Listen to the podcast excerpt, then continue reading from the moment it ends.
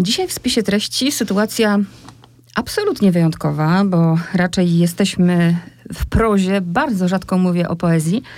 A dzisiaj w spisie treści poetka Elżbieta Wancław Chłopik. Cześć. Hej. Niektórzy lubią poezję i tak od razu startuję. Poezji jest mało w spisie treści. Ludzie wolą prozę. Jak myślisz, czemu tak ludzie się tej poezji boją? A, głównie dlatego, że ona jest skomplikowana. Przynajmniej taka się wydaje w szkole. Często jest tak, że poezji współczesnej nie wyjaśnia się dobrze e, na etapie edukacji e, i potem mamy taki strach przed nią, że, że coś źle interpretujemy, że coś źle zrobimy. Tymczasem ona jest prosta i stara się do nas przemawiać jak najprościej. A czy zgodzisz się ze mną, bo tak się to mówi e, stereotypowo, że pisarze robią w faktach, a poeci robią, mówię kolokwialnie, w uczuciach. Ale tak naprawdę to czytelnik ma prawo poczuć ten twój wiersz tak, jak chce, prawda? E, tak, jest dowolność interpretacji. Ja osobiście e, prowadzę też wiersze reportaże, stąd e, nie zawsze są to emocje. U mnie głównie są to właśnie fakty Aha. i logika, stąd, e, stąd takie trochę inne podejście. Czyli robisz w faktach, można powiedzieć. Mm, Powiedz coś więcej o sobie, żeby cię przedstawić. Czym się zajmujesz? E, Zajmuję się w tej chwili grafiką. Do tej pory przez chwilę byłam copywriterem. E, W tej chwili zajmuję się grafiką. Mam tam kilka projektów rozpoczętych. E, No i oczywiście No właśnie, to zajmujesz się Tak. grafiką. Myślałam, że Tak, wystartujesz od tego, że przede E. wszystkim piszesz poezję. E, Znaczy przede wszystkim to zależy od tego, jak na to patrzeć. E, Ostatnio skupiłam się bardziej na grafice, natomiast cały czas piszę poezję, prozę. Powstaje komiks, wolno sobie tam jest. Powstaje też projekt o Zielonej Górze, także dużo tego, bardzo dużo tego.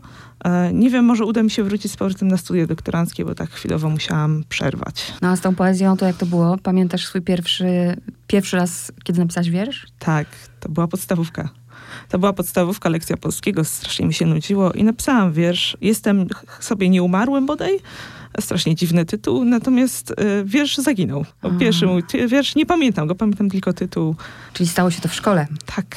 Czyli nie, nie miałaś okazji, czy poszłaś z tym wierszem do pani e, zapytać? Do pana, to był pana, wspaniały aha. człowiek, ponieważ ja byłam generalnie umysłem matematycznym, a to on e, poniekąd e, sprawił, poza oczywiście domem rodzinnym, dwóch polonistów w domu, ale jakby to była taka szala, która sprawiała, że ja jednak musiałam przysiąść, był strasznie ostry. A Romuald Walczak, świetny nauczyciel. Zanim oczywiście zaczęłaś pisać, to tak, ja przynajmniej tak myślę, trzeba się najpierw jej naczytać, nasączyć. Tak było? Znaczy ja zawsze lubiłam czytać poezję, natomiast... A czyją? e, przede wszystkim gdzieś Różewicz, Herbert, e, klasycy, ale tej mniejszej formy, Bursa chociażby, e, później odkryłem Krynickiego, genialne, e, krótkie formy, e, Eliota po drodze też, e, no oczywiście to jest, e, to jest jakaś taka podstawa gdzieś. Natomiast no, generalnie twierdzę, że ta poezja wypływa, więc... Tutaj szkolić należy warsztat przede wszystkim. To tak jak z dobrym zdjęciem. Jak zobaczymy dostateczną ilość dobrych zdjęć, to wiemy, które jest dobre. Tak samo z wierszem. Jeżeli zobaczymy dostateczną ilość wierszy, przeczytamy je, to wiemy, który jest dobry. No nie debiutujesz, bo to jest twój drugi tom Tak. poezji. Mm, Pierwszy, przypomnij tytuł, Gdzie są cienie? też z tego roku. Tak, też z tego roku. Czyli szybko. Szybko. Mam ponad 600 utworów w dorobku, także złożony jest już kolejny, Bereshit, natomiast on jeszcze trochę poczeka. My się spotykamy w związku z premierą Budzenia Umarłych i ktoś powie debiutantka, ale można znaleźć tu wiersze z lat, sprzed nawet, nie wiem, dziesięciu? 11 nawet, 11. tak. Z 2008 to było gimnazjum. Więc pytam, jaki był klucz? Na pewno, mając ponad 600 utworów w dorobku, w tym akurat tomiku znajdują się przeróżne, musiałaś jakiś mieć klucz, żeby je tak poukładać. Co to tak, był za klucz? e, W tym wypadku budzenie umarłych skupia się wokół buntu, wokół śmierci. E, Wszystko jest też gdzieś wokół tych, gdzie są cienie. Właściwie to jest taka definicja, taki klucz do tej e, mojej twórczości, jak się zorientowałam po latach. Natomiast towarzysząc to pytanie, mając gdzieś z tyłu głowy, e, układałam je tak, by były jakąś opowieścią o tym budzeniu. Jest tu 72 utwory, jak 72 stopnie drabiny Jakubowej, jak 72 aniołów, 72 imiona Boga, 72 demony Goecji.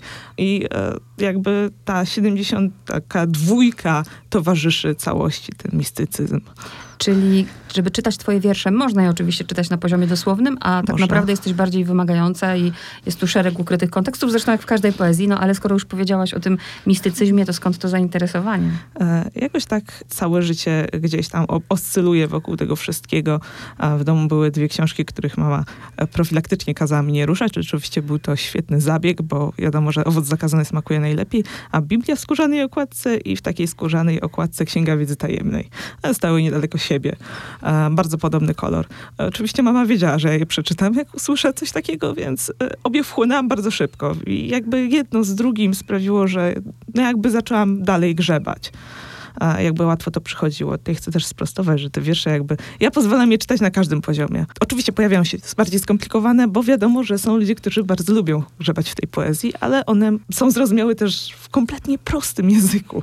Nie trzeba kupować encyklopedii, mm -hmm. broń Boże, i czytać jej przy okazji. Powiedziałaś też, że te wiersze są wyrazem buntu. Jaki to mm. rodzaj buntu? Bunt przeciwko chyba, no przede wszystkim nonkonformizm taki, e, przeciwko temu, co się dzieje, przeciwko gdzieś takiej mechanizacji tego wszystkiego, jakiemuś takiemu podejściu, przyzwoleniu na rzeczy, które się dzieją, jakiejś znieczulicy, która się pojawia. natomiast też e, wobec, wobec tego, co się dzieje, wobec jakichś, e, nie wiem, czy określać to, bo jestem apolityczna, więc nie mogę powiedzieć, że politycznych działań, ale jakichś środowiskowych, w ogóle podejścia ludzi do chociażby nauki, czy sztuki, czy literatury, czy zwykłych codziennych zjawisk. A na poziomie dosłownym to, to co, że świat jest umarły i chcesz go obudzić? E, też. E, natomiast ja chciałam się odnieść chyba do tego buntu, który mamy w sobie jako właśnie młodzi ludzie i, i tego, tej całej, tego wszystkiego, co umiera z czasem w człowieku w czasie dojrzewania. A być może nie powinno, być może powinno być. Ale dajesz też jakieś, są tu w tym tomiku jakieś recepty właśnie na to? Znaczy myślę, że tam jest kilka recept na to, co, co robić i, i jak patrzeć na ten świat. Oczywiście jest to moja recepta, każdy ma swoją, więc, więc ja kompletnie nie ograniczam tego podejścia. Natomiast wychodzę z takiego założenia, że tą odpowiedź jakąś trzeba dawać. Witkacy mówił, że poezja już nie daje, sztuka już nie daje odpowiedzi na to, jak żyć. Natomiast e, ja staram się gdzieś, gdzieś jednak przejść, żeby ta odpowiedź gdzieś tam była. Często jest tak, że jak czytamy wiersze, czy prozę, czy wiersze, to już jest takie ludzkie, że my lubimy sobie zadawać pytanie, ile jest Elżbiety w podmiocie lirycznym na przykład. Ile jest Elżbiety w ogóle w tych wierszach? Czy ty jesteś za taką teorią autobiografizmu w poezji, czy nie? Bardziej nie. To znaczy zdarzają się wiersze osobiste w tym tomiku. Takim wierszem jest chociażby mój obowiązek. To jest rzecz, którą ja osobiście przeżyłam. Pojawiają się też to właśnie wiersze reportaże, czy wiersze przeżycia dotyczące postaci takich jak Albert Fish, czy, czy wydarzeń e, w Kolumbii. I są to wiersze, które bazują na moim wyobrażeniu tego, jak mogłoby e, wyglądać wejście do środka. Staram się przedstawić kontekst i może niekoniecznie potępić rzeczy, które e, teoretycznie wydawałyby się godne potępienia. Wiersz reportaż e, zdefiniuj? Myślę, że to jest takie określenie, które do tej pory nie funkcjonowało. No właśnie, dlatego. Natomiast ja używam przypisów przede wszystkim, co jest dużą nowością, tak mi się wydaje. Wszyscy mnie o to pytają, są zdziwieni, że pojawiają się przypisy. Natomiast e, przypis to jest taka rzecz bardzo przydatna, bo nie wszyscy muszą wiedzieć o danej historii. Właśnie o tym mówię, że nie potrzeba żadnej encyklopedii. Ten przypis się tam znajduje, jest od autorski, opowiada tą historię, z którą ja się zetknęłam, pisząc ten wiersz. I myślę, że to jest taka opowieść, taki wiersz, reportaż powiedzmy o tym Albercie Fiszu chociażby, czy Antonie Moskwiu, akurat świeża sprawa chociażby z 2018 roku, gdzie po prostu e, jakby wydarza się coś, o czym ja chciałabym też opowiedzieć. Nie było mi na miejscu, ale zbieram te materiały i coś z tego robię. Tak trochę dziennikarsko brzmi, nie? Że tak. właśnie po, poeta, czyli ty na bieżąco żyjesz w tym świecie, bo niektórym się wydaje, że poeta to żyje w ogóle w jakimś oderwanym świecie od rzeczywistości, a ty żyjesz bardzo mocno w rzeczywistości. E, tak, bardzo twardo stąpam po ziemi wbrew pozorom. Strasznie twardo, bardzo realnie. E, natomiast jest tutaj wiesz, takiej dużej też magii e, specyficznej ze słowa. Ja w ogóle wierzę, że słowa faktycznie są święte, coś mogą stwarzać, więc, więc, więc na tym operuję. Tak sobie myślę, że fajnie było uciec w świat marzeń marzeń, ale to chyba nie dla mnie. Tak, jak już właściwie ubiegłaś moje pytanie, bo powiedziałaś, że wierzysz, że słowa są, są święte. święte. Zasadzie, tak. A ja tak. chciałam cię zapytać, czy wierzysz w to, że literatura, mówię ogólnie, literatura, poezja może zmienić świat? Może. Może to wymaga współpracy, co prawda. E, natomiast e, no niejednokrotnie już tak było, że zmieniała świat, prawda? E, że to słowo zmienia świat. W tej chwili mamy mass media i to one jakby zmieniają świat. Natomiast myślę, że z poezją można wyjść śmiało do ludzi i jakby promować ją też w mass mediach. Ja nigdy od tego nie uciekam. Chociażby w mediach też społecznościowych, czy, czy gdziekolwiek indziej. Można mnie znaleźć na Facebooku, jest ta strona, pojawiają się jakieś wiersze. Można mnie też zapytać o poradę co do pisania tych mhm. wierszy, a zawsze służę radą w każdym razie twierdzę, że no jakby może zmieniać świat, może i powinna. A tu dotknęłaś ważnego tematu, bo pisarze, niektórzy, oczywiście mm, niektórzy, akurat sobie przypominam Annę Bator, która twierdzi, że żaden kurs pisarstwa nie pomoże, bo to musi być w człowieku. A ty mówisz, służę pomocą, jeśli ktoś chce się nauczyć, nauczyć pisać wierszy. To ty uważasz, że wiersza można się nauczyć pisać, czy to musi być w człowieku? Znaczy, musi być w wierszu prawda przede wszystkim i musi być umiejętność wyrażania tej prawdy. Ja uczę warsztatu, to znaczy e, są też wiersze, które są warsztatowo przepiękne, ale w środku puste. Jeżeli z nich wykroimy całe pustosłowie, to nic tam nie zostaje. I to są te wiersze tych ludzi, którzy no, nie mają już nic do przekazania, natomiast świetnie sobie radzą z warsztatem. Natomiast twierdzę, że no, ten warsztat powinien być, żeby te wiersze nie były przegadane przede wszystkim. Jestem zwolennikiem. Im krótsza forma, mm. tym lepsza, jakiś miniatur. Jeżeli wiersz jest dłuższy, to z jakiegoś powodu. No właśnie, bo twoje wiersze są miniaturowe, słusznie to powiedziałaś, czyli dużo jest tego wykreślania na poziomie pisania? E... Czy ty najpierw piszesz, a dopiero później wykreślasz? Nie, nauczyłam się e, w trakcie pisania, gdzieś w pierwszych latach e, tego tworzenia, że w zasadzie już piszę na czysto. Czasami po prostu czytam ten wiersz na głos i wykreślam jeszcze coś, co mi przeszkadza, albo coś dopisuję. Jestem zwolennikiem czytania poezji na głos. Wtedy, wtedy widać, e, słychać w ogóle to, co robimy i błędy, które popełniamy. Mhm. A jaką rolę w twoich wierszach odgrywa puenta? O, to jest rzecz kluczowa. Puenta w moich e, wierszach powinna być e, uderzająca i zaskakująca. Ona ma spiąć to wszystko. Często czytamy ten wiersz, ta puenta jest dopiero czymś kompletnie innym. E, czasami jest dość kontrowersyjna. Zdarzają się takie. Mam takie wrażenie, że to jest czasami potrzebne. Nie stronię też chwilami od wulgaryzmów, kiedy uważam, że one są po prostu niezbędne do tego wszystkiego. A jak się odnosisz do takiego y, tutaj, oczywiście ja, ja to robię zawsze, nie wiem jak czy inni czytelnicy, ale zachęcam, żeby zawsze w każdej książce czytać wstępy, czytać posłowie. Dorota Hek, pani profesor z Uniwersytetu mm, tak. Wrocławskiego, zadała na wstępie pytanie, czy Elżbieta Wancław-Chłopik zostanie Jakubem Żulczykiem polskiej poezji współczesnej. Czy dla ciebie by to był komplement zostać Jakubem Żulczykiem polskiej poezji współczesnej? Znaczy, chcę być Elżbietą Wasławopik polskiej poezji współczesnej. Byłoby świetnie. E, natomiast no, nie sądzę, żeby to był problem. Bo poruszamy się gdzieś w podobnej, e, podobnej sferze. Robimy trochę inaczej, natomiast tam gdzieś jest taki surrealizm półmagiczny i, i gdzieś jest ten brud, który pozostaje. E, więc mam takie wrażenie, że, że jest to podobna, podobna tonacja, tylko w innej formie. A jakbyś miała powiedzieć, co łączy, a co różni ten tomik z poprzednim? Ten tomik e, przede wszystkim wszystkim łączy to pytanie, gdzie są cienie. Tak jak mówiłam, ono spaja wszystko, co robię. E, to poszukiwanie przeszłości, poszukiwanie ciemności, poszukiwanie jakby tego pierwotnego mroku i pierwotnej natury. Natomiast różny jest przede wszystkim w tym, że no, gdzie są cienie jest jednak bardziej wysublimowanym, bym powiedziała. To jest dłuższy tomik, tam jest ponad 100 utworów. W zasadzie składa się z trzech tomików. Tam są nawiązania do antyku, właśnie do, do mitologii, do różnych e, tego typu tematów. Natomiast Natomiast tutaj stawiam jednak na tematy bardziej współczesne. E, ten jest bardziej groźny, powiedzmy, mniej konformistyczny, mniej zgadzający się ze światem. A czy masz coś przeciwko temu? Mm, ja na przykład tego nie lubię, jak się gdzieś. A taka jest tendencja w ogóle w literaturze, w nie tylko w Polsce, w ogóle na świecie, że my uwielbiamy mm, mieć to wszystko poukładane, posegregowane, mieć y, szufladki i kategoryzowanie pisarzy, kategoryzowanie poetów. I jeśli wrzucą cię do szufladki po drugim tomiku zbuntowana, nonkonformistyczna, to co? Będzie ci się to podobać? Myślę, że będzie problem, bo kolejny tomik, który już jest złożony, jest kompletnie inny.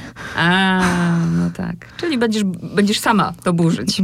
Tak. Idziesz tak. swoją drogą. Tak, chcę, chcę iść swoją drogą.